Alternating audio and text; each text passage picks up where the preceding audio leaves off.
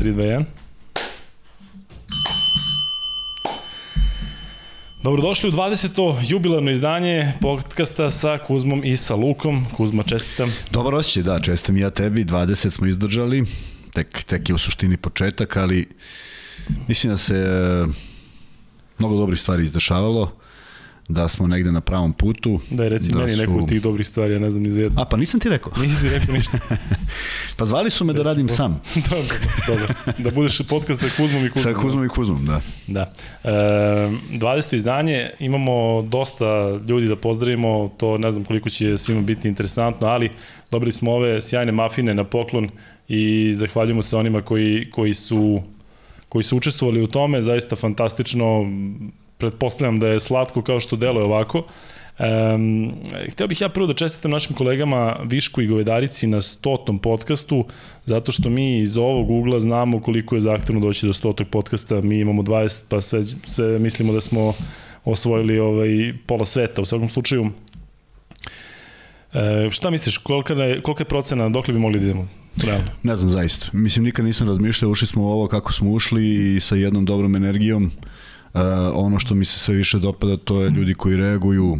Imaš svoje anegdote iz, iz života, iz javnog prevoza, ja imam naravno puno ljudi koji uh, prate, pitaju kad kasnimo pola sata zašto nije počelo i tako dalje. Prema tome, uh, ono što smo hteli, to smo i postigli, verujem da će biti još bolje. Uradili smo neke novine za danas, ti ćeš posle da kažeš, a ovaj a nekako drago mi je što se što što što imam isti entuzijazam i što mi dalje prije. Ja imam čak i veći nego na početku je kao bilo malo šta rekao. će biti, pa mislim da se osjeća.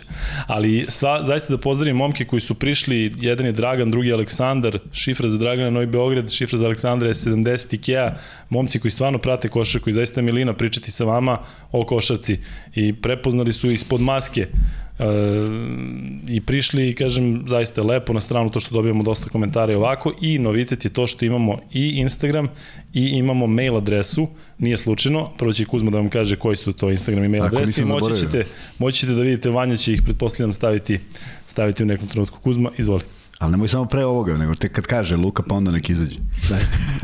e, vrlo prosto, Luka i Kuzma i na Instagramu, Luka i Kuzma, Gmail, na Googleovom nalogu, uh, komentari, želje. Mislim da je neko tako predstavio sam ili na Googleovom nalogu. Pa na Googleovom nalogu, pa je Gmail. E, na pa Googleovom pa nalogu imamo, dakle, Luka i Kuzma, ono obično je li tako? Tako Kuzma, je, nema, nema ništa, ništa da. specifično, Luka i Kuzma jedno i Luka Kuzma gmail drugo, .com. A to će sve da ispiše Vanja u jednom momentu i eto, predlozi, Uh, sve. Sve, želje dakle, i tako dalje. Sovke, nešto što smo, šaljete. nešto što smo iz, iz, ispustili i bilo je, bilo je par komentara šta ljudi Jeste. žele, ali a, nastavljamo u tom trendu iz prostog razloga što samo imamo jedan problem koji ja vidim kao problem, volao bi da ga promenimo, a to je činjenica da smo tražili dobar termin koji se, i ovaj se polako onako pokazuje kao dobar, ali iz naših obaveza ne možemo da idemo live i to je onda jedini, jedini problem, ali trudit ćemo se da dođemo i do tog dobrog termina koji ćemo moći da radimo uživo jer onda će imati možda još, još, još veću težinu. U nekom trenutku ćemo sigurno krenuti live. E sada, drugari, ovo nije slučajno što smo otvorili Instagram i mail, dakle to je zbog vas, ne samo da nam šaljete vaše sugestije, savete, primetbe, kritike, šta god, već imaćemo nagradnu igru koja je povodom ovog našeg 20. podcasta, dakle mali jubilej. E, poklanjamo vam dres, e, Kuzma, koji dres ćemo da poklanjamo? Ti si to nešto složio u glavi. Dakle, no, možete ne, nisam, bilo koji da. dres koji vidite ovde, u suštini Durant, Williams i Rose su dresovi koje možemo da vam poklonimo, a ako hoćete ove druge dresove možemo da vam izradimo, ali tako? Da, imali bismo, um, malo bi truda uložili, znamo kako, bilo koji koji vidite, da pokušamo da uradimo njegovu repliku, naravno, i negde jedina razlika bi bila što bismo ubacili naš logo na kojem takođe radimo i onda bi to zaista bila uspomena uh, uh, sa našeg podcasta. E sada, uh, nagradna igra je u stvari ta uh, da pošaljete čestitku To su imale već naše kolege, pa sada deluje kao da ih kopiramo, ali u suštinu po, pošaljite najinteresantniju čestitku za 20 za 20. podcast, da li je pesma, da li je neko zezanje, da li je bilo šta, možda bude i u video formatu, šta god hoćete. I druga nagrada je da će jedan od vas da nam se pridruži ovde. Dakle, ne, vidimo da vi svi koji pratite, pratite i košarku i bit će nam zadovoljstvo da malo popričamo sa vama uživo. Dakle, imamo nagradu dres, imamo nagradu e, gostovanja ovde kod nas u emisiji i priča, priča u samom podcastu i kažem imate tri opcije, dakle imate redovan onaj YouTube komentar da ostavite, ali ako hoćete da nam se obratite ovako da možemo da da vidimo to kako treba, mislim vidimo i ovo, ali u suštini e, mail i Instagram su otvoreni, otvoreni zbog toga. Tako da slike, poruke, šta god, šta bude najzanimljivije, najinteresantnije, to ćemo nagraditi, dok ćemo one ostale, ako se slažeš Kuzma, u sledećem e, oni koji nisu osvojili nagradu, opet su zanimljivi, gledat ćemo da ih pročitamo, da, da da, da da, naravno, naravno. U, u narednom 21. podcastu. Naravno. U svakom slučaju, e, dakle, to su ti noviteti, ili imamo još neko da pozdravimo od Ne, ne to, je, to je to za sada da uzeli smo dovoljno vremena i... Instagram je otvoren pred 3,5 minuta, tako? Da. I imamo, da, i imamo jednog prati, četiri, pratilca da. i taj jedan pratilac, uh, verovatno sad ima više, ali taj jedan sad pratilac... Sad ih ima hiljadu sigurno. Tako je.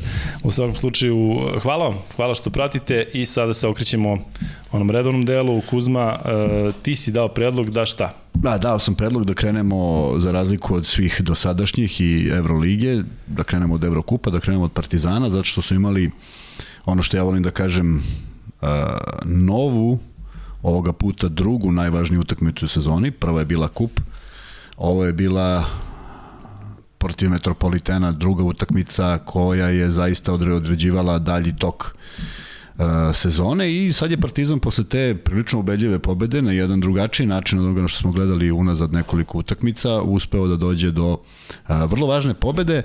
Uh, već smo pričali, negde sam uspeo da spomenem i u jednom za jedan portal za koji pišem, uspeo sam spomenem Balšu Kopricu koji zaista onako valjda uh, probilo je... Znaš da je ovo naš podcast, možda izreklamiraš da kažeš da ljudi mogu da te čitaju, ali ozbiljno. Da, da, naravno, ne znam zašto sam to rekao, ali sportski me, u pitanju crnogorski portal, saradnja s jednim divnim čovekom, Velibarom Gašanovićem koji to drži i jednostavno, eto, prilika da pričamo o košarci i da neko čita i, i da gleda, stvari da čita van, van okvira uh, aj sad kažem, internet je interna, internacionalni, nema sad negde ograničenja, ali nije srpski mediji, već već crnogorski iz nekih drugih davnih prijateljskih dana i u krajnjem slučaju prija da se negde iskaže neko mišljenje, opet ima mnogo pratilaca i tu i zaista jedan jedan dobar osjećaj. E sada...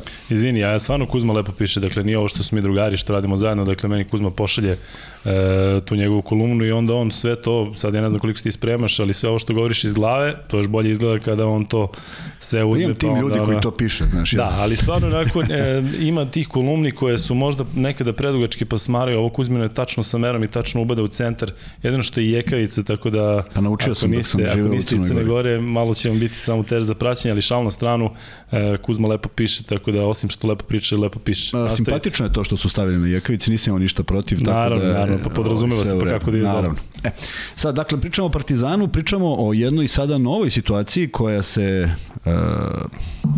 obelodanila nedavno kada su faktički izbacili suspendovali lokomotivu. Do tad je tabela izgledala je na jedan drugačiji način, a sad smo došli do tog momenta gde u jednom idealnom rasporedu i pobede tri pobede Andore, Partizan može do prvog mesta jer bi se stvorio krug i onda bi tu zaista odlučivao ko školičnik, tako da je sada ponovo aktuelno to prvo mesto, iako je u onom uh, prethodnom izgledu tabele to izgledalo nedostižno s obzirom da imaju loši učinak od, od uh, Juventuda. U svakom slučaju Partizan u jednom dobrom ritmu, uh, bilo bi dobro da možda izbegnu Ulm koji se malo podigao pre svega u nemačkom šampionatu jer je savladao Bayern koji je u svojim problemima, u pitanje koliko igrača izašlo, nisam ispratio tu utakmicu osim samog ubedljivog rezultata što je najveća pobeda Ulma nad Bayernom valjda u istoriji. Izvini, Ulm ima uh, igra u jako dobroj formi i to se vidi, dakle podigli su formu. E. Međutim, Bayern je trenutno problem da, da, loše, zato što da, da. Uh, nešto se tamo dešava, a to nešto ja mogu da povežem sa tim padom uh, uh, Nika Weilera Beba, ne znam da li si ispratio. Dakle, Nick Weiler-Beb se okačio za koš i, i pao je na, na glavu i bilo je zaista stravično. Čak ne može protiv, ne mogu, da li je Hamburg. Pričali smo o tome. U svakom slučaju, e, stravična povreda koja je uticala na ekipu tako da se nije znalo da li će ostati nepokretan i od tog trenutka koliko sam ja pratio Bayernu se nešto dešava. Oni generalno u poslednjih nekoliko godina imaju te padove u sezoni i delo da je sada to, taj pad, tako da ne treba poceniti Bayern ne, naravno. u smislu da nešto, ali Ulmu se namestilo baš da ih, da. da ih nagazi, to je Da, i otkazali su utakmicu Evrolige, dakle i opet da. su prijavili da imaju problem sa covidom, tako da tu stvarno, a imaju izuzetno težak raspored, dakle sad malo skrećemo s teme, ali e, od pet od jedno, gostova, jedno domaćinska utakmica protiv Zvezde, koju Zvezda mora apsolutno da iskoristi, ali doći ćemo i na to. I u svakom slučaju e, Partizan e, naravno posle onih pobeda i posle dva derbija rešena u svoju korist. E, nije neočekivano da nastavi ovako kao protiv Gokeje. Naravno, ne, ne, ne funkcioniše sve u utakmici tako da, da ide bez greške i pa je Partizan imao lošiji start, ali to je došlo na svoje i sad gledamo uh, kako će izgledati konačni uh, izlet tabele, zato što se približavaju ta, te posljednje utakmice, a najveći kiks je napravila budućnost koja je sad sebi zaista zakomplikovala i više ne može da se uzda ni u, kakva, ni u kakve rezultate koji se oko njih dešavaju, zato što su izgubili od studentskog centra. Ono što si ti spomenuo prošli put, da ti se dopada kako igraju, Tako. slažeš, složio sam se s tobom, mnogo ljudi s kojima sam pričao na tu temu slaže se da je to jedna sasvim pristojna ekipa bez respekta, koja može svakom da, da, da poremeti račune, to su radili protiv budućnosti. I ono što smo pričali, jedva čekaju takve utakmice. Jedva čekaju, dakle, pa naravno, pa to je njima...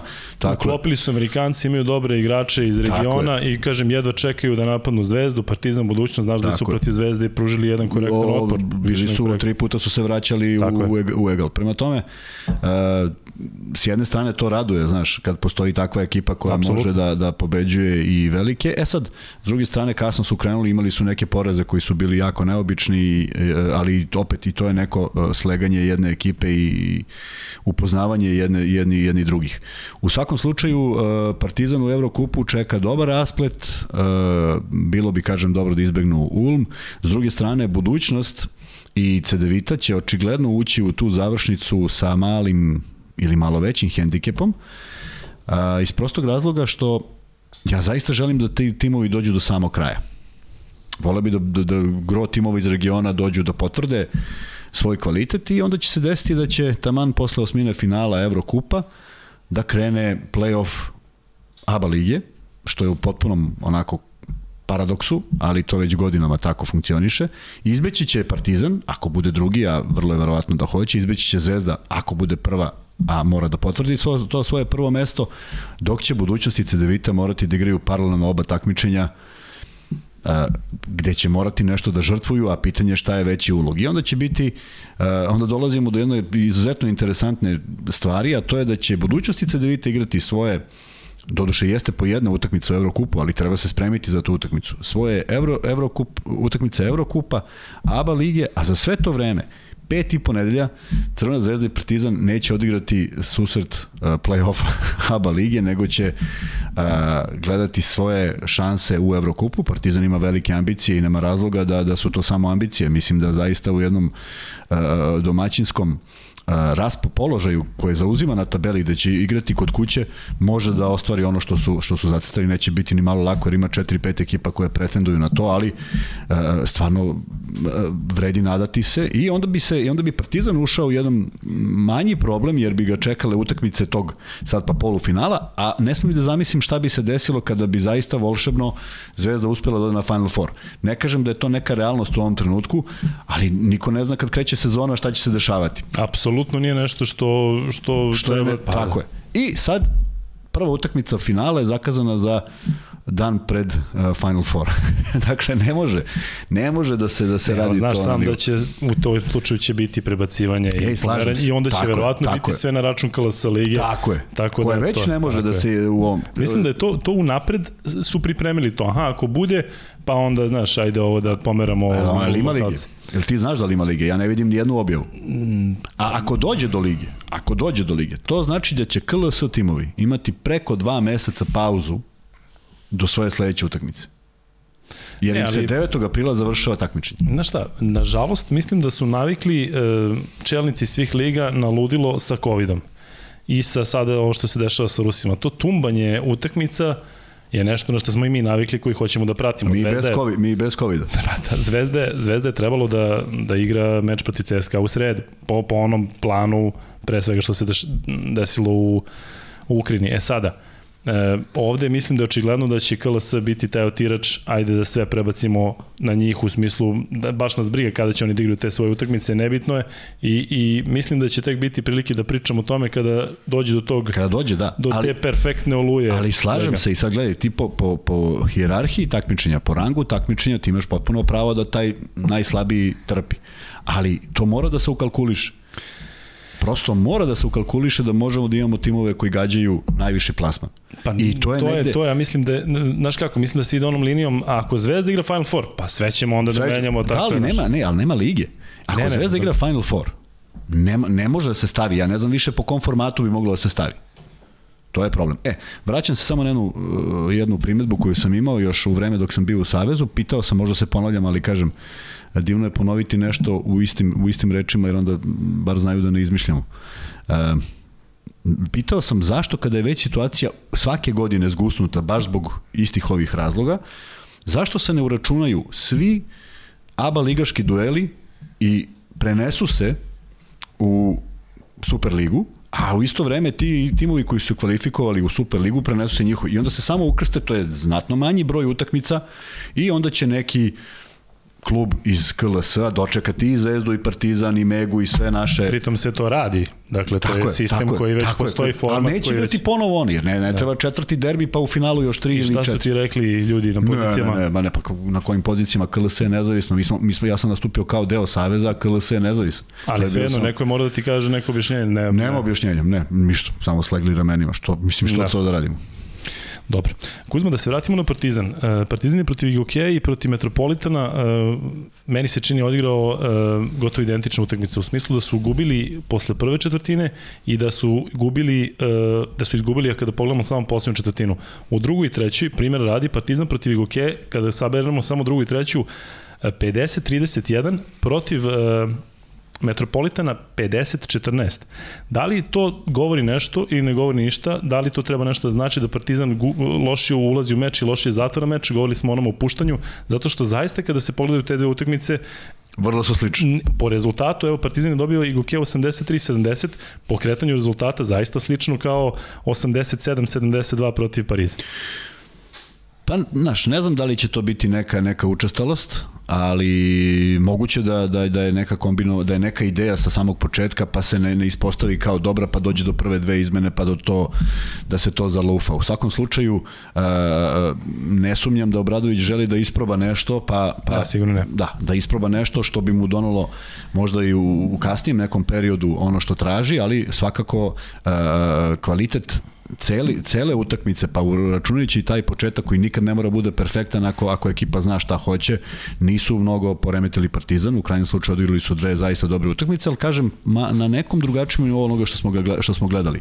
Naime, posljednji derbi sa Zvezdom je bio eksplozija jednog igrača. Ovo je sad bilo za nijansu drugačije, pa je Avramović u derbiju protiv budućnosti nije, nije mnogo toga proizveo u prvih 20-ak, 25 minuta, međutim onda preuzeo stvari, ali je neko do tog momenta uh, držao rezultat. Tu je, tu je Balša Koprivica odradio jedan dobar, dobar meč, a napravio svoj prvi profesionalni uh, double-double učinak protiv Metropolitena i zaista može da bude ponosan na sebe, a u krajnjem slučaju vrlo važno je da uh, ono što mu se sugeriše očigledno i bilo je potrebno vremena, ali uh, on to usvaja. E sad je samo pitanje kakav je njegov karakter, koliko, koliko on može da izgura sve to, jer mislim da mu je mnogo toga u ovom trenutku i, i preneto što se znanja tiče i otvorena su mu vrata. Video si kako je nastupio Smajlegić kada je došao u Partizan kao, kao čovek koji već ima pet sezona u nogama, pa manje, ni manje više nego u Partizanu. E, to je sad potrebno da vidimo da li Balša Koprivica ima tu, tu energiju, tu želju. Njegov otac je bio zaista neko ko, ko se ono, borio do, do posljednjeg momenta i uradio u karijeri u šta je uradio, da vidimo kakva je Balša, ono što, što, što, što njegovo telo pokazuje, ono što je pokazao u, naredni, u posljednjih par utakmica, govori da a, negde sad sa drugog aspekta, sa aspekta reprezentacije možemo da računamo na jednog vrlo interesantnog igrača.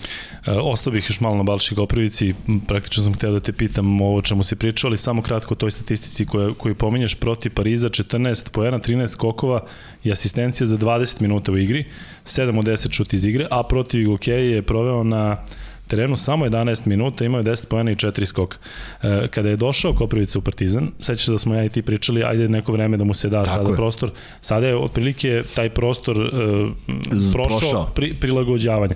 Da li je e, pogrešno od tog momka očekivati sve bolje i bolje partije ili treba, treba taj pritisak da se prebaci na njega. Govorili smo, sećaš da smo pričali o Jokiću kako bi bio pritisak. Da li sad pritisak na Balšu Koprivicu treba da bude, aha, očekujemo od tebe, ajde. E, jeste i to mora da se nosi. E, da, potpuno Samo on, je pa, tako? To... Ne, ne, ovo što si uradio sada, to je samo početak. Sad te očekujemo ne u istim izdanjima. Ne može niko da ponovi baš iz utakmice utakmicu. Ne, znamo, ali... koliko, znamo koliko navijači su nestrpljivi i kada dočekaju, e, kada vidi da, vide da možeš, e, dobro da, e, sad. Mislim da sad ima to, sad, sad ako nastavi ovako, on će imati imati toleranciju par utakmica ako ne bude išla, ne mora uvek da ide. Ali je vrlo bitno da on ulazi u neke brojeve kojima garantuje nešto na terenu. E, Darko Russo je svoje vremeno za par igrača znao da kaže mm, nisu mi se dop, nisu meni se lično nisu dopadali, on kaže da, ali on uvek ima 8 poena i 8 skokova. I ti stvarno kad gledaš statistiku, on igrao dobro i loše, on on doprinese to. I ti znaš da kad počinje utakmica, ako Darka Rusa kad počinje utakmica, tu je na 60 poena plafon, a ti već zabeležiš da ovde imaš 8 i 8, to je ozbiljan kapital u takvim utakmicama. E, Samo ono što se reci mi kako je Darko Ruso, pričali smo o njemu, pa da Nažalost vratio se, mislim da je sve tamo puklo o, nije više trener u Astani, vratio se u Beograd. Nije, ne znaš da li je trener reprezentacije? Da ne, ne, ne, ne, ne, ne znam, ne znam šta se desilo, nismo uspeli da se čujemo, samo sam video da je, da više nije, da je Dejan Parežanin preuzeo klub. On mu je valjda bio pomoćni, da. A jel Astana funkcioniše Pa imali su u smislu Rusija, Ukrajina, to utiče na njih?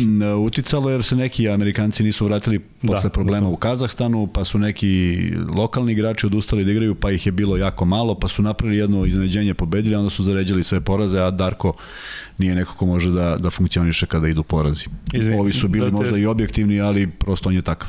Da se vratimo sada, prekinuo sam te da, na Balšu Koprivicu. Da, dakle, sad, sad Koprivica mora da isporučuje ono što, što je neki, neki minimum, a on sad treba da ima dovoljno veliko samopouzdanje da, taj, da te stvari može da odradi i mislim da će biti iz utakmice u utakmicu sve ozbiljniji problem, s obzirom da je nekako pokušavao i verovatno se prilagođavao a, o svemu što traži Obradović i prilagođavao jednoj novoj košarci, jer vidi, interesantno interesantno je da su Smajlagić i uh, Koprivica isto godište.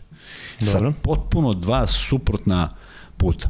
Dakle, uh, Smajlagić je išao kroz reprezentaciju iz Koteža, kroz reprezentaciju u 16, pa je tu već bio vrlo interesantan, pa je odjednom prekid sa reprezentacijom odlazi odmah na kamp, radi tamo sa NBA igračima, ulazi u NBA ekipu, ostvaruje neke minute, ali bez, bez uh, sezone u nogama, bez onoga što se zove iskustvo jedne sezone, a s druge strane, isto to godište, ali Balša Koprivic ide kao jedan e, dobroćudni div, jer je, jer je kao mali bio jako visok, on je prolazio sve te neke uzraste gde je bio dominantan i onda nije osetio ni on uh, kako izgleda kada imaš na treningu lesora, na primer. Jednostavno bilo je, bilo je drugačiji, drugačiji vid košarke, pa i na tom koleđu ili na srednjoj školi na kojoj je bio, to nije to, nije to merilo. E, ovde je sad prvi put osetio kako to izgleda i naravno da je trebalo neko vreme uh, adaptacije, međutim sad to izgleda mnogo drugačije i zaista može da bude ozbiljan problem s obzirom da je i napadački uh, dosta napredovao i traži loptu i rešava,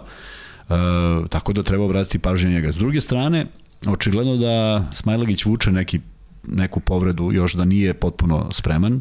To se vidi u nekoj minutaži koju provodi na terenu i učinku koji provodi na terenu, ali on je tako krenuo sezonu da mislim da kod svih navijača, naročito kod stručnog štaba ima ima blanko što se tiče bilo čega i e, verovatno će ta pauza o kojoj smo malo čas pričali ipak e, dovoljno dobro doći i Partizanu da može da, da, da, da bude u što jačem sastavu u završnici sezone. I Balša i Smajlagić su, kao što si rekao, 2000. godište, da. Balša u maju, Smajlagić je u, u avgustu. E sada, koliko kod njih u stvari ima težinu ono čemu smo mi pričali na početku sezone, a to je taj faktor Željka Bradovića? Mnogo. Ja sam ubeđen mnogo zato što koliko god to izgledalo o, neverovatno sa samog početka da čuje i verovatno prodrma glavom od toga šta je čuo, ja verujem da je prvo ideja bila da se polako uvode, da se ne traži sve, pa su onda zahtevi postajali veći, pa taman misliš prošao si jedan, pa ono stignu još dva, pa treba sad to ukomponovati.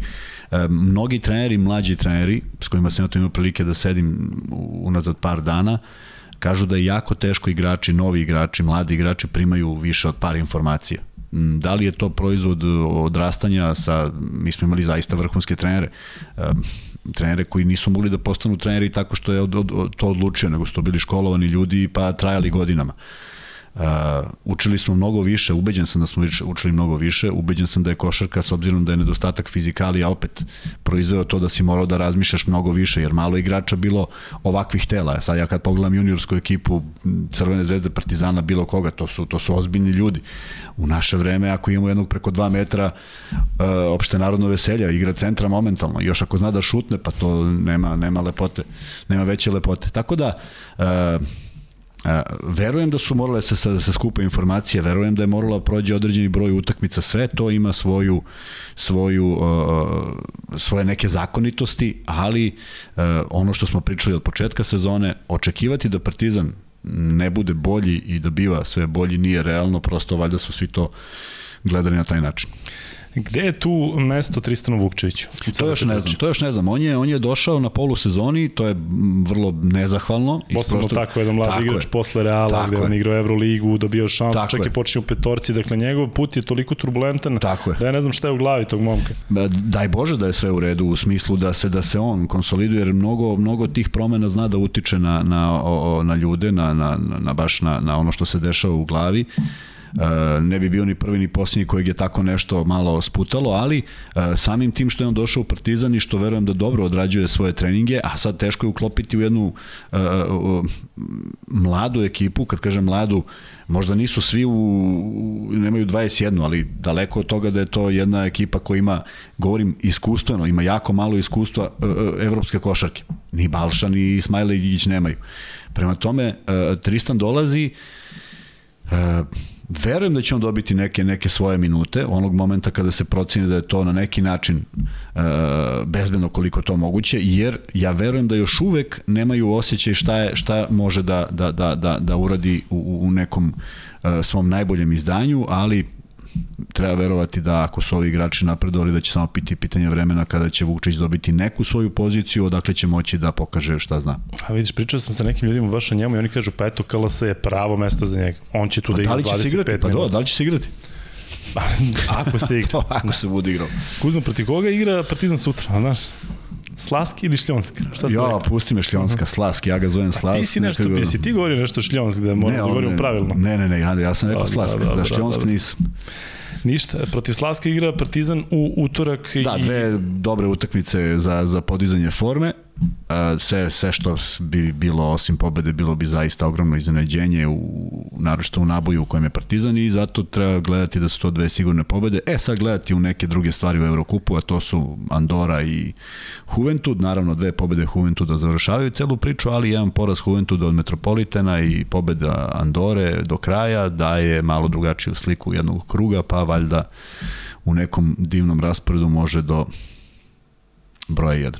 Slaski je pobedio Trentu na svom terenu, Slaski je pobedio Turk Telekom na svom terenu, govorimo u poslednje vreme, a izgubili su meč od Hamburga na strani u poslednjim trenucima, tako da Slask uopšte nije, kao što smo rekli u onom eh, prvom slučaju, uopšte nije ekipa za podcenjivanje, čak i u Beogradu su, ako se sećaš, oni pružili da. ne dobar otpor, nego sećaš se načina koji je dobio na tu utakmicu neki onaj faul pa da li, je, da li treba da se prizna, da li je bio faul, nije bio faul, tako da... E, ali mislim da je Partizan sad u drugačijoj formi takođe. Ne, definitivno, pa da. ali e, ta pr, pr, prva utakmica, 75-73 za Partizan, Slaski nešto vodio 6 poena, minut, minut i po pre kraja, ako je tako moglo u Beogradu, a sada su opušteni. Oni su pritom na osmoj poziciji na tabeli i e, situacija je takva da Trento e, ima skor 1.13, oni imaju 3.11 lokomotivu ne računamo koja je kao na toj desetoj poziciji, tako da će verovatno Trento biti taj tim koji ne ide u, u top 8. Hoću da kažem da su oni potpuno rasterećeni.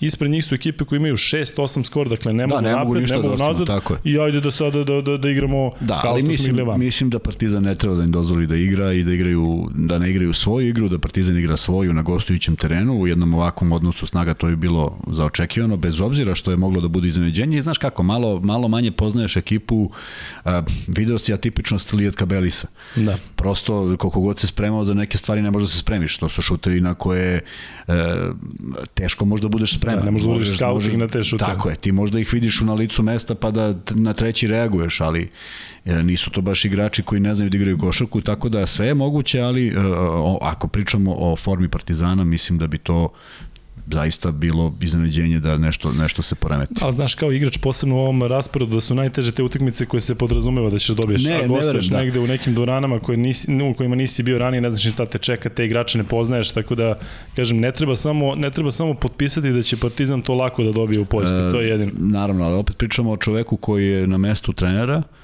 i a, a, vraćam film, pričali smo već o tome da smo da je, da je mali Apolon iz Patre savladao Panathinaikos na čelu sa, sa Željkom Obradovićem u tom kupu, pa smo se plasirali direktno na F4 i sećam se na, a, izjave u novinama, kaže džabe sam govorio protiv koga igramo, kaže to što oni nisu čuli za Vardu i Kuzmanovića, jer nisu bili u reprezentaciji, to ne znači da ovi nisu imali prilike, nego prosto a, dovoljno su dobri da, da mogu da igraju, pa je tu bio Jamel Thomas, treći strelac italijanski Španske lige godinu dana pre i Dante Jones, NBA igrač, dakle to je bila jedna ekipa koja je respektabilna, kaže džaba sam govorio, mislili su da igraju protiv Apolona iz Patra. E, uh, kažem, uh, mora da dopre to do, do igrača. E sada, kad gledaš uh, Avramovića koji je svaki put pogledom u Željka i kad uradi dobro i kad uradi loše, ja verujem da će on izaći 100% motivisan za, za dobru utakmicu i da se ne prave greške. Prema tome, verujem da igrači sad shvataju koliko je bitno čuti šta priča trener, uh, pokušati, ne možeš u svakom momentu da uradiš ono što je on zamislio, e, u krajnjem slučaju nalećeš na neke dobre igrače koji to znaju da, da, da prepoznaju. Prema tome, nije to baš kako možeš da napišeš pa da se to desi, ali taj jedan fokus i ne prepustiti da Slask vodi igru, to je neki od prioriteta da bi Partizan što bezbolnije u jednoj sigurnoj utakmici išao korak po korak. Za kraj što se tiče Partizana, reci mi samo ukratko, e, Partizan i u ABA ligi i u Evrokupu ima sličnu poziciju u smislu Zvezda je ovde ispred, ovde Juventus ispred, ali postoje šanse da se to promeni. Um, da li ti za sada sezona Partizana deluje zadovoljavajuće, uspešna za sada. Govorim za sada bez, sa tim kupom i sve. Da li je to nešto što su navijači Partizana mogli da očekuju? Mislim da je realna. Mislim da je da. realna. Da li je moglo da bude drugo mesto, a sa jednim porazom manje možda da. Da li je moglo da se izbegne neki jedan poraz u Evrokupu da, ali sve ovo ostalo spada u domen onoga što je očekivano. Dakle, ako je neko mislio e, bez poraza, bez poraza u oba takmičenja, to nije realnost, ne zato što taj tim nema talent, nego zato što tom timu treba vremena da bi došli do tog nivoa da tako mogu da igraju. Uz to, Uh, zaista izuzetno dobar raspored u ABA ligi, da je bilo prilike za uigravanje, pa je, pa je Partizan kroz to uspevao da, da raste i da po, pobeđuje, a u Evrokupu ništa neočekivano, uh, možda jedna utakmica, ali zaista to nije nešto što ne može da imaš svaki dan dobar dan, u krajnjem slučaju i neka druga ekipa za računa na to. Utorak, dakle, 18.45, e, Slask Partizan, pratimo naravno na sport klubu. Kuzma, sada bih prešao na Zvezdu. Zvezda ne igra svoj meč e, Euroligije u sredu, po onom prvobitnom planu, zato što, što je, trebalo, dobro, da. što je trebalo da dočekaju CSKA iz Moskve. Znamo da ruski timovi, evo već sada ima više od mesec dana, nisu uopšte u kombinaciji za nastavak Euroligi, ali hajde malo da se vratimo na meč između Zvezde i Barcelone. Šta je dobro, a šta je loše što si video u tom uh, porazu Barcelone? Pretpostavljam da, da, da može opet da se napravi neka vaga, može. da je bilo i dobrih i loših stvari. Tako je, svaka utakmica ima i dobro i loše. I ona koja se pobedi pola koša imala je loše, zato što je pola zato što je moglo da bude i na drugu stranu, a iz svakog poraza može da se zvuče nešto dobro. Mm, ja mislim da je najbolja stvar koja se Zvezdi desila prvo jedan poraz koji je pristojan. E, mnogi će reći da Zve, da Barcelona nije želela da se da se razumemo. Barcelona Barcelona jeste usporila u jednom momentu ne zato što je da su tako rešili. To su bile petorke koje su bile samo da se odmore najumorniji igrači, ali to nisu to su bile respektabilne respektabilne petorke. I šta mi govori da je Barcelona e, nije to planirala? Blagi nervni slom Šarunasa u četvrtoj četvrtini kada stvarno vidi da, tako je, kada vidi da stvari od, izmiču kontroli, a malo, malo može da se promeni. Dakle, Zvezda da je pogodila na sedam razlike još taj jedan šut, možda bi ušla još veća nervoza, pa neki brz napad, pa je sve bilo moguće. U svakom slučaju, jedan uh, respektabilan poraz, jedna pristojna utakmica, s obzirom da uh, nije bilo Holinsa, da Lazića nije bilo dugo vremena, ispostavilo se da se povredio, što smo Ilija i ja u, u prenosu i rekli kao zabrinutost e, Radonjićeva da fali još jedan u ovom momentu u sezoni nikako nije zgodno. I ono što je najvažnije, jako dobro izdanje Dobrića, jako dobro izdanje Nikola Ivanovića, koji je protiv ipak jedne od najboljih defanziva i najboljih odbrana zaista lako pronalazio put do koša, pa uh, možda i od njega očekivati uspon forme jer je preko potreban onaj prepoznatljivi Ivanović. Tako da to su dobre stvari, a pritom Zvezda zaista ništa nije izgubila.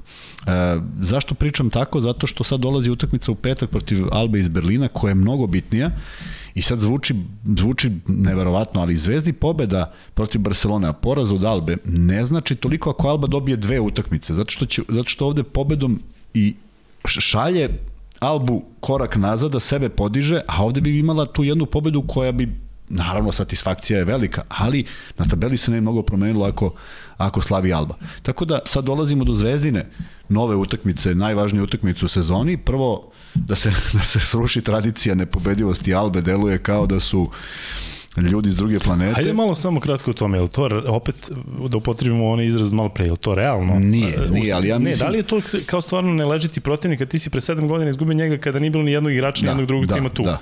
kada su bili drugačiji sistemi. Da, da li to da, stvarno je ne, nešto, neka tradicija, neko sueverje ili postoji nešto, Sad oni igraju već... nemački neki sistem košake, brzo igraju i to baš zvezdi ne Sad već ulaziš sa opterećenjem u takvu da. utakmicu. Sad razmišljaš da li je... kada je ovako važno, ovo je najvažnije od svih do sada. Tako, e sad tu, sad tu će se vidjeti koliko, koliko zvezda ima zaista taj kapacitet ne sumnjam u borbenost, ali ovo mora bude mudra utakmica. E, jeste, ne leži nešto što se dešava u Albi već godinama, e, zbog čega je to tako, ne znam, e, sve sve moglo da se okrene onom, onim porazom u, u areni, kada je Zvezda faktički imala dobijenu utakmicu koja je otišla u poraz i od tada jednostavno kad Barcelona to ćemo lako uh, Alba uf, samo ne Alba. Tako ne, ali da taj prvi meč u Beogradu to je baš bila odvratna utakmica. Da da da da ono je da, baš bilo jest, onako jest, nekako u vazduhu muka, jest, sve i gledati jest, igrati i pratiti. I pomisliš samo da ne dođe ovako do kraja i ono uđe u da. tu završnicu i stvarno bude na kraju. Niko je ne bi pamtio samo da je pola koša za Zvezdu i ba, da. ne bi se ni pričalo njoj. Ovako ostaje kao jedno veliko opterećenje ali sad treba ući baš zbog ove utakmice i pokazatelja da sad stvarno kada, kada, kada Radonjić pred igrače stavi koga su sve pobedili, a sve su pobedili sem te Albe da. u dosadašnjem delu uh, i ove sezone i prethodnih sezona, zaista pravi moment za jednu uh, proveru da li je Zvezda kadra da dođe do, do, do, do top 8. Ovo je, ovo je prva prilika koju ako zgrabi mnogo će lakše biti i protiv Bajerna i protiv Žalgirisa i protiv Efesa, naročito što Efes dolazi kao posljednja utakmica u sezoni da Efes može da reši neke svoje probleme i da zauzme to željeno peto mesto, iznad petog mesta ne može, jedino ne može baš nikako. Ja mislim da Armani i Armani i Olimpijakos moraju pogube sve, pa da bi stigo jednog od njih, verovatno Armani. Efes ima 13-10, Olimpijakos ima 17-8, a Armani 16-7. 16, dakle, znači može teoretski stigne da- Armani da ne pobedi ni da. jednu utakmicu do kraja, što nije realnost. Ali, fokus zvezde i samo da, da, da neka se poštede i na ovoj utakmici, iako Cibona igra jednu interesantnu košarku i mislio sam da će napraviti nešto ove sezone po, po nekom sastavu i lepoti igre koju su imali iz početka. Dobro, sad tu se naravno ima ima svojih razloga zašto nije, ali treba biti oprezan, nije to naivna utakmica.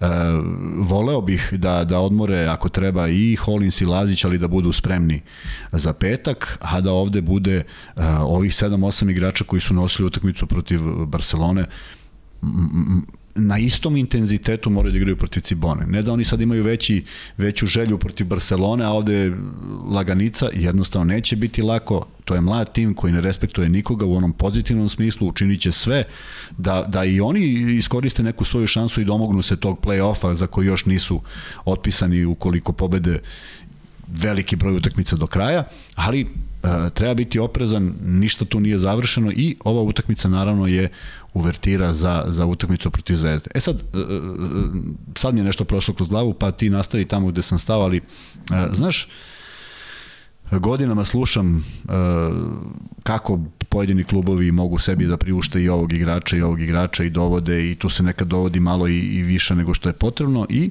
evo prisustujemo jednom vrlo, vrlo čudnom fenomenu Virtus. Virtus, a meni potpuno razumljivo. Dakle, oni su poremetili igru, igru Virtusa. Ne može to da bude isto kakav god Izvini, igrač. Samo da kažemo, došli su Heket i Šengelija Tako je. kao otpadnici iz CSKA, eh, Heket koji je italijanski reprezentativac bivši i Šengelija koji je stvarno bivši NBA igrač, jedan odličan evroligaški igrač. I sad u ekipi koja se tek vraćala sa Teodosićem koji se diže, sa Menionom koji se diže, sa Belinelijem koji hvata formu i koji je bio, bio ti ubaciš dva igrača koji moraju da igraju, je li tako? Moraju i oni smatraju da moraju da igraju, ne tako samo što je. oni moraju što sad trener želi da oni igraju, nego oni smatraju da treba preuzme odgovornost jer bože moj dolaze ipak iz Evrolige i tu se desi šta se desi. E, to je samo u stvari sad Izvini, mi je prošlo... pričao mi je doktor uh, Baskonije koji je radio tamo da je Šengelija jako nezgodan. Da on recimo je malo i razmažen, tipa kada ima zanokticu, on ide i priča, vidi šta mi se... On je navikao da bude vođa Moguće, u ekipi naravno. i u CSKA se možda nije ni navikao toliko zato što u Baskonije imao celu slobodu, a kod i tudi se u CSKA ipak moraš da se prilagodiš. Je. Ali onda, onda je pitanje, znaš, onda je pitanje uh, kad, ako to znaš, a i tudi si morao to da zna, da li onda to pravo rešenje. Meni je drago što je on pokušao Šveda da ubaci u ritam, ajmo da igramo za, za, za ekipu, ali Šved ne, ne liči na sebe. Mislim, da. nije ono što smo navikli. Naravno sa mnogo više odgovornosti, ali, ali negde, negde moraš znaš ko, koga, koga dovodiš. Ako je Šengelija takav, pa onda u ovom trenutku za Virtus, što bi rekao Muta Nikolić, on je oslabljenje, ne pojačanje.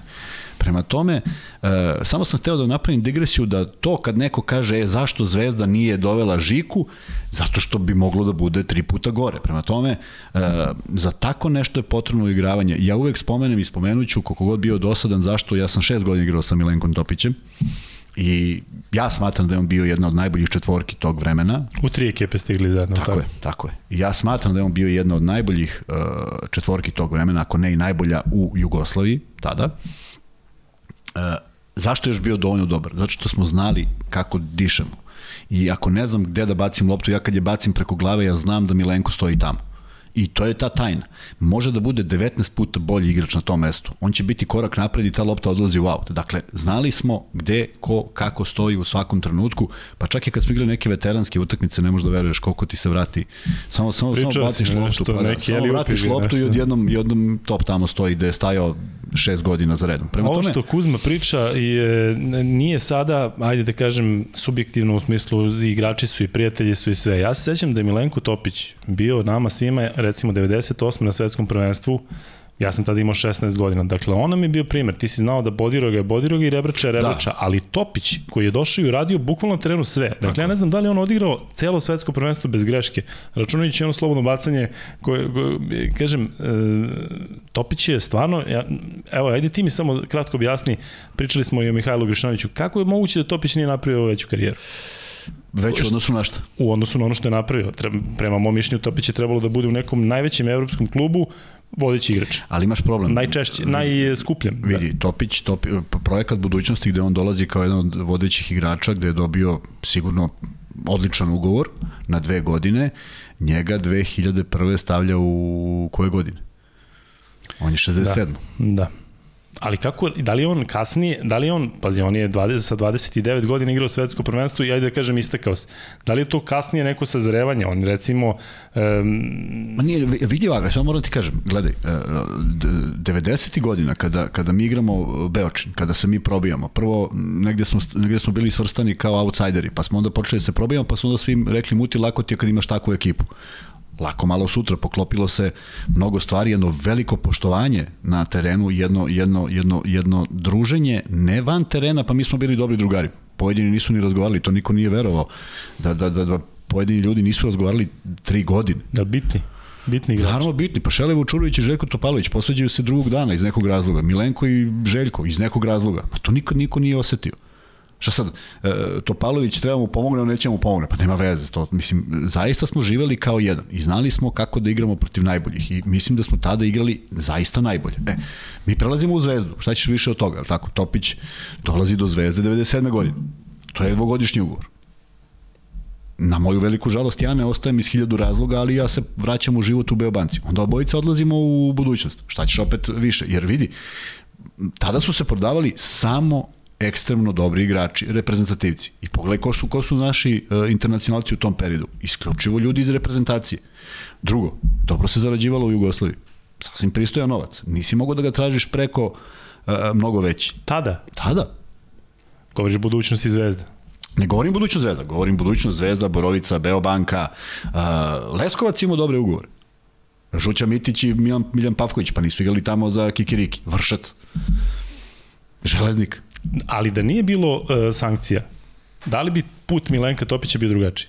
Kojih sankcija? oni sankcija onih devet, početak 90. Pa ne znam, kada je on kada je on sa 24 25 godina trebalo da bude Tad su svi trpeli, znam, a tad i da ga svi, vidi ce, cela Evropa. E, tad su svi trpeli i sad tu se dešava jedna stvar koju koju koju Milenko posmatra možda na jedan način, Muta Nikolić na drugi, ali zaista se tu dešava ta neka lucidnost Mutina, gde on nas spaja i Milenku daje potpuno drugačiju ulogu. Milenko Topić u profi koloru nije imao približno dobru ulogu kao što je to imao i nije mu bilo lako da, da je prihvati. Znaš kad imaš, kad je igra napravljena tako da je saradnja s Topalovićem besprekorna ili sa bilo kojim centrom i ti imaš ono, vrh reketa za sebe, znači možeš da šutneš, možeš da radiš šta god hoćeš, a imao je uh, blanku, što bi rekli. Međutim, on to nikad nije zloupotrebio. Ja ne znam da je on šutirao nekad 24-3. Ne, ako on šutne 8-3, on prestane da šutira i radi neke druge stvari. Dakle, govorimo o karakteru.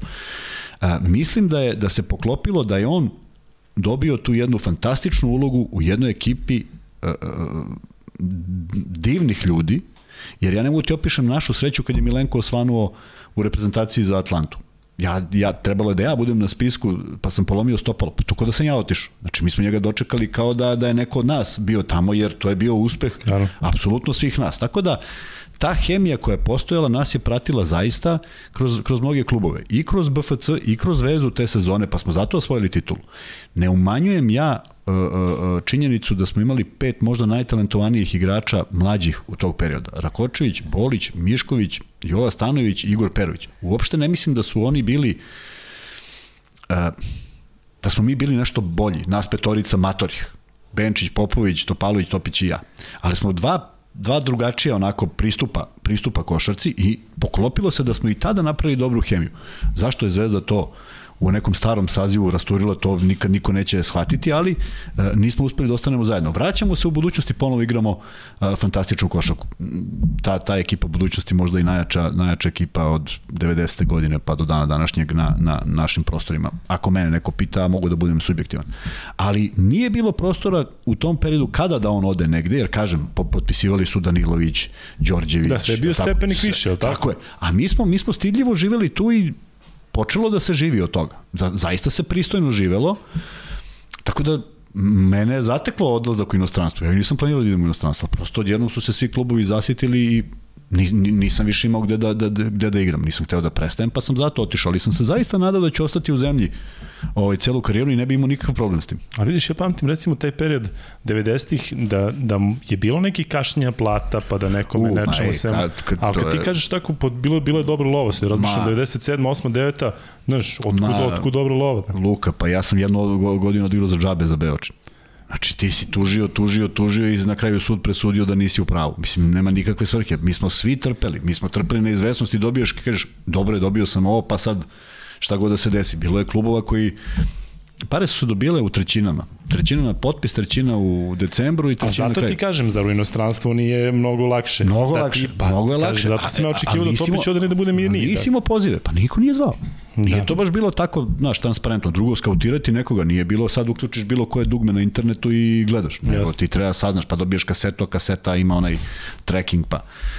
A stvarno smo želi da igramo kod nas, stvarno smo doživljavali tu ligu, ta liga, i ta Juba Winston liga je bila ozbiljno jaka Jeste. liga sa ozbiljnim trenerima, sa ozbiljnim igračima. Ja sam izuzetno poštovao i Pavkovića i Miću Žutića i Nišavića i Čarapića koji je igrao za Lovćen i, I gore, prosto, gore Spartak ma, kada igraš protiv Spartaka. Spartak nije ti dobro, pa Spartak u tom trenutku dva čoveka koje gledaju NBA i skauti su Koturović i Mišković. Mi smo čuli da postoje NBA skauti, ali došli njih da gledaju. Dakle, govorimo pa sa sve Đokićem, Benčićem, Popovićem. Dakle, to su Aleksićem. To je Jarama za onaj Kmezić, pa to su sve bili igrači sistema. Mi, Finac bio trener, pa je to trajalo. E, e, e, mnogo dobre košarke koje je počelo onako sve da se da se da se da se skraćuju ti ti klubovi. Ne znam šta tačno šta je bio ovaj proizvod svega toga osim što mislim da je bilo lakše nabaviti novac pošto nije bio u regularnim tokovima, pretpostavljam, ali Drago mi je što smo otišli skroz, ali hajde da se vratimo da, ajde, na Albu. Malo se Alba, uh, Alba ima skor 9-13, nekako ni od kuda Alba je ozbiljan konkurent za prolaz dalje, posebno ako pobedi Zvezdu, zato što ako Alba dobije te meč 10-13, imaju oni, a Zvezda ima 11-14. Tako je, samo pritom, jednu pobedu. Pritom Alba je u kombinaciji toga da su profitirali um, zbog tog ispadanja, odnosno suspenzije Rusa, ali zaista igraju dobro. Alba je vezala tri pobede protiv Asvela na strani, ok, Asvel, znamo šta Asvel radi u ovom delu sezone, E, međutim, pobedili su Žalgiris 82-74 i to nakon što je Žalgiris imao četiri pobede ili tri pobede i nakon što je pobedio Real 20 razlike. Da, I očekivalo se da baš oni budu ti I, koji ja će... Ja sam komentarisao taj meč i stvarno vidiš Žalgiris koji igra isto tako, a čak i Izdovac posle utakmice rekao mi smo odigli naše, ali Alba je bolja. I da, da to nije slučajnost pokazalo se u pobedi protiv Olimpijakosa 90-75. Jedan Olimpijakos pobedi tako, lagano, celu utakmicu da ga držiš na ovo i onda su pali A u tom meču. A onda susret protiv Baskonije koja je opet nepredvidiva ekipa, tako. pa I opet ima svoju šansu za prolaz dalje. Tako je, tako je. Da, samo što ima, tu je, tu je zašto sam ja najavio, zašto sam pozvao navijače navijaju za Baskoni, zašto Baskon ima manje utakmica, jer tako ovde je. ipak ima više prostora da, da se ovaj, uh, Alba vrati. Međutim, znaš što je interesantno, šta mi je rekao Ilija u prenosu i to je zaista fantastično. Utakmica koja se otkaže na račun, na zahtev tima koji ima problem sa covidom, ako se ponovo zakaže i ponovo otkaže ekipa koja sada ima problem sa covidom, treći put kad se zakazuje i ova druga ekipa odustane ili kaže da ima problem sa covidom, 20-0 je za njih, jer je ovaj prvi otkazao. U smislu, možeš namerno da kažeš da... u smislu, pošalješ da, da, da. ih na, na hladno. Još jedno ludilo iz Još jedno ludilo, da, mislim, prosto, ako nešto nije moguće, nije moguće iz objektivnih razloga, ne može sad trpi neko ko, je, ko se prvi znači, javio. Znači, ti mislim. sad imaš COVID i zapamtilo si, za, za tako je, tako to, pa ćemo e, sad ćemo da, da sad ćemo dva da. puta vidimo da li ćemo da igramo. Pa, da li misliš da može to da se realno desi? Da ja se iskreno nadam da neće, da. zato, što, zato što bi bilo odvratno, ali sve da. je moguće. E, Alba je zaista nezgodna ekipa. Imamo priliku da ih pratimo ove sezone u Nemačkom prvenstvu i u Euroligi zaista gledamo sve njihove meče mečeve. Dakle, oni imaju nekoliko tih nezgodnih igrača, kao što oni Tamir Blat, koji baci trojku, pogodi tablu, a onda baci neku neverovatnu asistenciju. Kada pogledaš, ti ne znaš ko je tu lider, ne znaš ko može da da 20 tako je, poena. Tako je, i ne zanima ih su i opasni. Da. Za mene je konkretno Luke Sikma jedan od najboljih igrača u Euroligi. Ja to tvrd, ja to, to, to je moje mišljenje i ljudi neki misle da, da nisam normalan. To je čovjek koji zaista poznaje košarku neverovatno. Tako. I kad radiš njegove mečeve, ja recimo radim Albu e, u, u Euroligi i sad ne vidim i pogledam statistiku, ne ispratim tako toliko, znači on da, i pogledam statistiku 11 poena, 8 skokova, 9 da, asistencija, da 4 blokade, 3 ukradene za 21 da, minut. Da, ne znaš da li je bio na terenu. Tako je, i kažem, prosto nevjerojatan, znači čovjek koji svaku situaciju čita, dakle i u piku, i generalno, kažem ti, čovjek koji može da pogodi trojku, koji može da doda, koji je, može Sve da odigra da leđima, da. i kažem, mislim da je on um, najbitniji faktor kada već govorimo o nekom lideru, iako možda statistički to ne deluje tako, ti imaš sada ove igrače koji mogu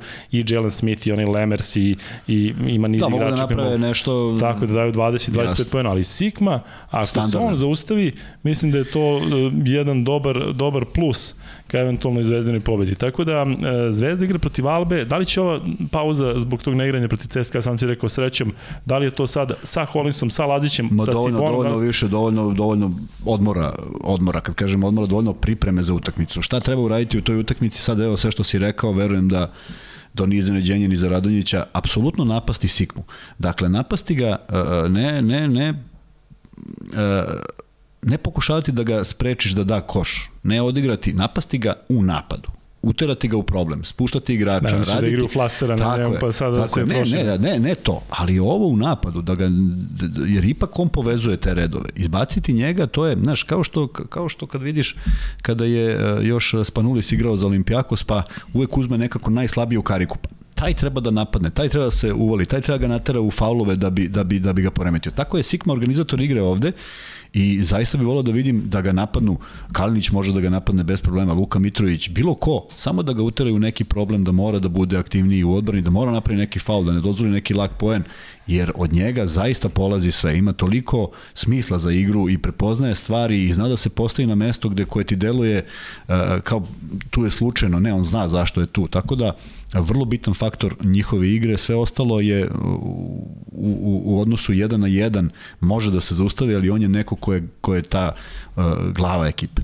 U Albi je najviši igrač trenutno u NBA ligi taj Krajst Kumađe iz Čada koji je visok 224 cm. Da li to potencijalno može da bude problem zato što taj momak ulazi u drugoj četvrtini i zaista je ogroman, a znamo da Zvezda, e, pričali smo o tome, potencijalno ima problem na centru. Ako treba da ga čuva Luka Mitrović ili ako Kuzmić treba da sačuva toliko čoveka, da li on taj neki faktor koji isto treba uzeti u obzir kako se boriti protiv njega, zato što je on dečko koji generalno igra 10-12 minuta, ali je u stanju da, kao što si rekao malo pre, uzme 8 poena, 8 skokova, odradi svoje, iznudi neki faul, pritom ima i šut. Jel vidiš e, da to možda bude problem da tako neko iskoči na koga niko ne računa. Ako, ako, se, ako se izbaci iz reketa, a on je malo nestabilan s obzirom da, da je toliki, ako uspe da primi loptu na 5 metara, to je, to je u redu. Samo da ne skida lopte sa glave. Dakle, mnogo je opasnije kad on skine neku odbijenu loptu nego što će onda nazida nekoga ako uradiš konkretnu, ko, ko, korektnu odbranu i primije pa teško koliko ima niže težište, a svi od njega imaju niže težište, teško možda ubaciš igrača, jer nema masu za to i nema mogućnost da, da, da tako lako poentira. On je ipak neko ko vodi računa da poskida te lopte, videli smo koliko je teško sa Tavaresom, ovo će biti podjednako teško, s tim što se ipak radi o igraču skromnije kvaliteta, ali a, skok je nešto što je Zvezdi apsolutno garant za jednu mirnu utakmicu, kada to pokriju, kada zatvore reket, nije važno ko skine loptu, ne mora da bude Kuzmić rezervisan za to da, da, da skida, ali da se zatvori reket. To je jedna od uslova za pobedu u bilo kom meču i Zvezda kada se pogleda, ima možda jedan meč da je Zvezda pobedila da je bila inferiorna u skokovima, sve ostalo što je izgubila je bila i u tom problemu. Da li se slaže da je opet sada iz ovog ugla meč protiv Albe sa ovakvom tabelom najbitniji meč u sezonu za Zvezdu? Da, evo zato kažem, ovo je sad Zvezdin, kako je Partizanov bio prošli, tako je Zvezdin ovaj sada, sve su karte na stolu, nema više šta da se tu kalkuliše, e, nije tragedija ako ne pobedi, ali je vrlo bitan zato što dolazi jedan raspored koji može da pomogne, jer svojim skokom Zvezda šalje poruku da je manje prostora za popunu top 8 i onda će neko malo dići ruke. Ne verujem da će Žalgiris u istom žaru koliko god želeli da igraju petposlednju utakmicu protiv bilo koga kada znaju da neće se predati, ali opet e, neće igrati na svom nivou i zato kažem, ta utakmica protiv Efesa dolazi možda u najboljem momentu jer je posljednja utakmica u, koja se igra u Beogradu u sezoni i onda će biti neke stvari mnogo jasnije pa da vidimo ko će u većem naboju ući u tu utakmicu. Ali bi voleo da Zvezda to reši sa dve pobede pred Efes. Dakle, da iz tri utakmice izvuče dve pobede, a mislim da može. A šta očekuješ za kraj u smislu kakav ritam utakmice, da li je zvezda, da li treba Zvezda da ubaci njih da ih stvarno, vidiš, Alba je ubacila u Olimpijaku sa 90 poena, oni stvarno dobro ne, trče, imaju sve šutere.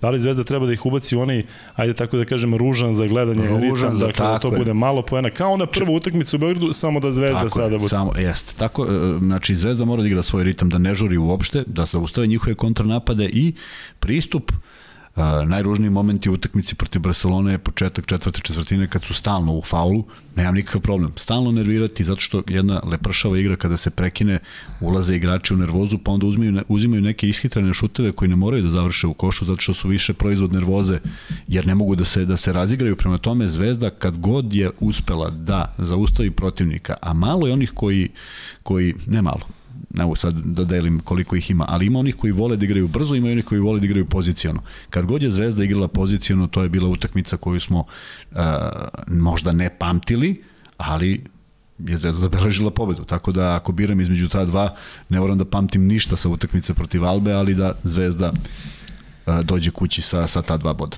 Kuzma, bit će ovo zanimljiva nedelja u smislu da imamo to duplo kolo Evrolige, da Zvezda ne igra svoj meč u sredu protiv CSKA, pa imaju odmor, međutim Evroliga kreće u utorak, imamo recimo meč između Efesa i Reala, imamo Albu protiv Barcelona gde je Alba sigurno tako da će je, da se potroši, je, što je bitno je. za ovo čemu tako govorimo. I sad gledamo te rezultate koji dolaze, znači tu će biti dosta nekih stvari koje će se ne mnogo promeniti na tabeli, jer ne može ta jedno kolo da promeni baš sve, ali će se vidjeti ko je, ko je u kakvoj fazi i šta očekivati u, toj, u, taj pet, u, to, u tog petka kada je Zvezdi to, kažem, pa skoro biti ili ne biti. Da. E, dakle, prepliću se Evrokup i Evroliga ove nedelje, kažem, često imamo te situacije da u, i utorak i u sredu pratimo i Evroligu i Evrokup, tako i sada, međutim, ima posebnu težinu zato što zaista se sada rešava ko će ići dalje, ko će ispadati. E, bitne su, manje više svaka utakmica bitna, tako da uživajte. Prenosimo naravno sve mečeve na sport klubu. Kuzma, imaš nešto da dodaš? Imam, da, imam da dodam još nešto. Nešto te, nisam, neko te ukorio, da? Ne, ne, ne, ne, nisam hteo da, nisam hteo da krenem uh, emisiju nekako kako, kako nikad nismo, ali zaista o učinak Mihajlovića iz Mornara protiv Megije od 48 poena i novog rekorda ABA lige treba spomenuti za, zaista za svaku pohvalu, jer e, uraditi tako nešto na bilo kojoj utakmici, uvek sam bio puno respekta kogod, protiv koga god na ovoj planeti, a ne naročito ovako kada je jedna utakmica koja E, sa jako mladim talentovan protiv jako mladog, mladog i talentovanog tima na gostovanju napraviti takav učinak tako da sve česti, čestitke tom momku s tim što... Hajde malo da pričamo o njemu. Pa ajde. Ajde, Vladimir Mihajlović je dečko koji ima 31 godinu. Ja sam bio oduševljen i moja sramota što ja njega nisam u toj meri primetio, dakle on protiv Zvezde kada je igrao. To, to je zaista jedan fenomenalan igrač. I evo, malo pre smo pominjali Topić, on ima 31 godinu. Meni nije jasno kako on nije napravio takav. Ti vidiš jednog igrača perfektno građenog sa zaista sve radi na terenu, pogađa šuteve, kažem ti, dakle, njegovi šutevi su neodbranjivi. Dakle, i bila je specifična situacija Zvezda Mornar, gde je on krenuo e, na prodor, bio mu igrač levo, e, mu je bio sam plav momak što je igrao za, za momak iz Novog Sada ili Subotice, bio je sam i on mu se odmah izvinio, ali mu je odmahnuo rukom i ovaj krenuo da ga juri, kao čekaj bre, stani. Da. Znači, kažem ti, primetio sam tu situaciju, delo mi da je zaista i dobar tip. Dakle, njegovih 46 poena za mene, videvši onu utakmicu, ja sam ranije čuo za Mihajlovića kao igrača koji tu igra u regionu, ajde, igrao je u, u budućnosti, naravno pamtimo ga iz tog, de, iz tog e, perioda, igrao je i za neke ekipe po Evropi, ajde da kažem, manje lige, manje timovi, ali kako jedan takav igrač, kažem ti sad odjednom, eksplodira i kažem ti, Megi dati 46 pojena nije lako, zato da. što je Mega, sam znaš koliki su oni momci, kažem ti, nije, jako igraju u nekom ritmu, jako su klinci, ozbiljan, ozbiljan učinak. Tako je, a negde ti je potrebno i malo sreće, znaš, e, dešavalo se da dođeš u ekipu da imaš dva igrača na svojoj poziciji, pa si treći ni kriv ni dužan. Dešavalo se da trener ne razume šta možeš, dešavalo se da dobiješ pogrešnu poziciju. Sad pričamo o Milenku Topiću. E, dva trenera s kojima smo radili su pokušali ga stave na tri Milenko Topić je u tom trenutku najlošija trojka u galaksiji i najbolja četvorka u isto toj galaksiji. Dakle, prosto ne radiš nešto što, e, tu sad može, može mogu da zavisi gde je njega neko video, koga je ubacio ispred, koji su igrači bili favorizovani u odnos, u, od trenera, hiljadu i 500 pitanja može da se postavi, ali e, ovakav učinak kad vidiš zaista kažeš svaka čast jer e, bez obzira i šta je uradio do sada i kako je to sve išlo, a, priča za, za sebe, jer volim da vidim takve neke heroje koji a, pritom kako sam kažeš, a, ima respekt prema svojim saigračima i nije ostvario ovih, ove poene u porazu, što najviše ne podnosim s druge strane, možeš da u porazu možda daš i 160, potpuno mi nije interesantno, ovde je dakle uzeo loptu, rešio pobednika i to uradio na majestralan način, tako da sve čestitke, a kažem nisam hteo da počinjemo emisiju zato što je onda neko ko je, ko je uh, već zaslužio takvu promociju bio Aleksa Avramović, pošto ono što je uradio na derbiju je zaista bilo impresivno, kogod voleo ili ne voleo, ali to jeste bilo nešto što smo što nismo navikli da gledamo. Tako i ovaj moment apsolutno nešto što nismo navikli da gledamo jer je ostvario nešto, valjda je pre, prešao Gurovićev rekord koji je bio da E, nešto niži, prema tome sve čestitke, eto da ga pozdravimo. Marko Jeremić je igrač koji je trebalo koji je da, bio samo korner i koji je trebalo da dobije pas i nije dobio pas i nije mislio ništa loše da ne bude da sada ja nešto nego je bio u fazonu pa što mi nisi dao? Ovaj odmah krenuo za njim čekaj bre šta ti je? Da ti objasnim da nije namer meni se to dopalo kažem ti da. čim je udario mu blokadu Mitrović ili mu neko udario blokadu i on dok je još lopta letela izvini stvarno da sam video, pogrešio da. dakle nije. Ali poslednje pitanje i da završimo ovaj segment i drago mi je što si ga pohvalio. Da li konkretno, treba on recimo posle ovakve sezone, ajde da se ne vezujemo samo za ovaj učinak, da bude na radaru Partizana ili Zvezde? Ne, u tim godinama mislim da ne. Zbog, zbog godina, da, tako? Zbog godina i zbog činjenice, što, e, ima, jedna, ima jedna fantastična anegdota, ne moram da pričam o imenima, ali hteli su da izvrše svoje vremeno uh, zamenu jednog igrača OKK Beograda, koji je bio maestralan u OKK Beogradu, i jednog igrača Zvezde koji nije bio ono što, što se od njega očekivalo. I našli su se uh, sa trenerom OKK Beograda i pitali ga da li bi želeo da izvrši tu izmenu. I pošto je čovek, Slobodan Nikolić, čovek koji je igrao za Zvezdu i navijao ceo život za Zvezdu, rekao je doslovce ovako. Ovaj u Zvezdi neće dati koš. Kod mene može. A ovaj će davati 20 više nego što ovaj daje. Dakle, ja ću profitirati. Ali kaže, vi nećete ništa, jer prosto to nije igrač sistema. E sad, tu je vrlo bitno znati kako, kako ući u neku ekipu i šta ekipa hoće. E, to su sada stvari koje sklapaju treneri. E, moj, moje iskustvo da sam u pojedinim ekipama bio igrač kod kojeg zavisi i koš i sve, u nekima nisam bio, ali sam znao da nađem svoje mesto. E, to, je, to je kvalitet tog igrača i celokupne priče kako naći sebi mesto koje ti je trener namenio, pa ako je to ovo, onda teško da ćeš igrati tu igru da budeš jedan, jer, jer, jer veliki klubovi ne mogu da trpe jednog, jel tako? Moraju da imaju da. sve. Dakle, sve to ima svoje, ali da vratimo priču, nije on još mator, to su još uvek dobre godine. Da, izvini, govoriš zato što ti kad dođeš sa 31 godinom u Partizan ti treba da daješ 25 poena. I, tako, i, i, to nije... ne samo to, nego da znaš sve ovo što sad uči tako. Balša Koprivica. Da. Ako to znaš, onda je čudo što već da. nisi bio. Ali jako je teško tako. da ti tek tada čuješ neke stvari i saznaš. E, e, zaista se stvari uče dok, dok, dok god igraš. I bilo je mnogo divnih izjava trenera koji kažu mi učimo od naših igrača, pa što je potpuno da. normalno, tako, ne možeš da znaš sve. I taj trener kad ima 25 godina zna nešto, a u 38 zna nešto drugo. Prema tome, to je jedan uzajaman proces, a ne vidim ga samo zato što, što, što mislim da, da, je, da je možda bilo negde prilike da negde ranije to, to uradi, pa onda ko zna šta bi bilo i kako bi se razvijao, ovako sada nek uživa u toj partiji, nek uživa u tom rekordu, i neka nas obraduje još nekom takvom utakmicom. Tako je, da ne bude da je bila slučajnost. Tako, tako. Dobro Kuzma. Um, Sad sam ja završio, jel da? Pa da, ti možeš da, da ideš, ali e, sada dolazi do tog dela koji, videli ste, čuli ste malo pre Kuzma kada je govorio o toj tom e, generacijskom jazu između njih petorice u Zvezdi i ovih mla, mlađih pet u Zvezdi. Ostavili se kako tu ima, možete misliti kako Kuzma se odnosi danas prema, prema o, NBA ligi gde igraju momci od 19-20 godina koji igraju potpuno drugačiju, drugačiju e, košaku od, one, od onoga što je Kuzma igrao i na što je navikao. Ja njega posebno respektujem zbog toga, ali mi moramo da imamo NBA sektor, pa smo zato doveli jednog E, specijalistu za NBA ligu. E, gospodine koji ste ovde sa nama u studiju, već je sad vremena, predstavite se. Hvala. Predstavi se, gađi. Ja sam Lav Spasovski. Dobro, ali akcent je na prezimenu, znači pustiš da si Lav, a prezime je Spasovski. Dobro. A niste vas dvojica nešto u rodu? Recimo, tako, šta ti dođem ja? Tata. Dobro. I koliko para? Koliko si dobio za ovo? Ja ti tata dao neku lovu, nije? Ne.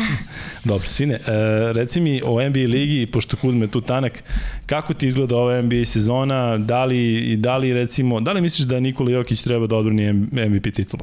Pa treba, naravno. Jokić fantastično igra i Da li misliš da Denver može, što on sa fantastično igra, da li misliš da Denver može da uradi nešto ili su mu potrebni bolji saigrači?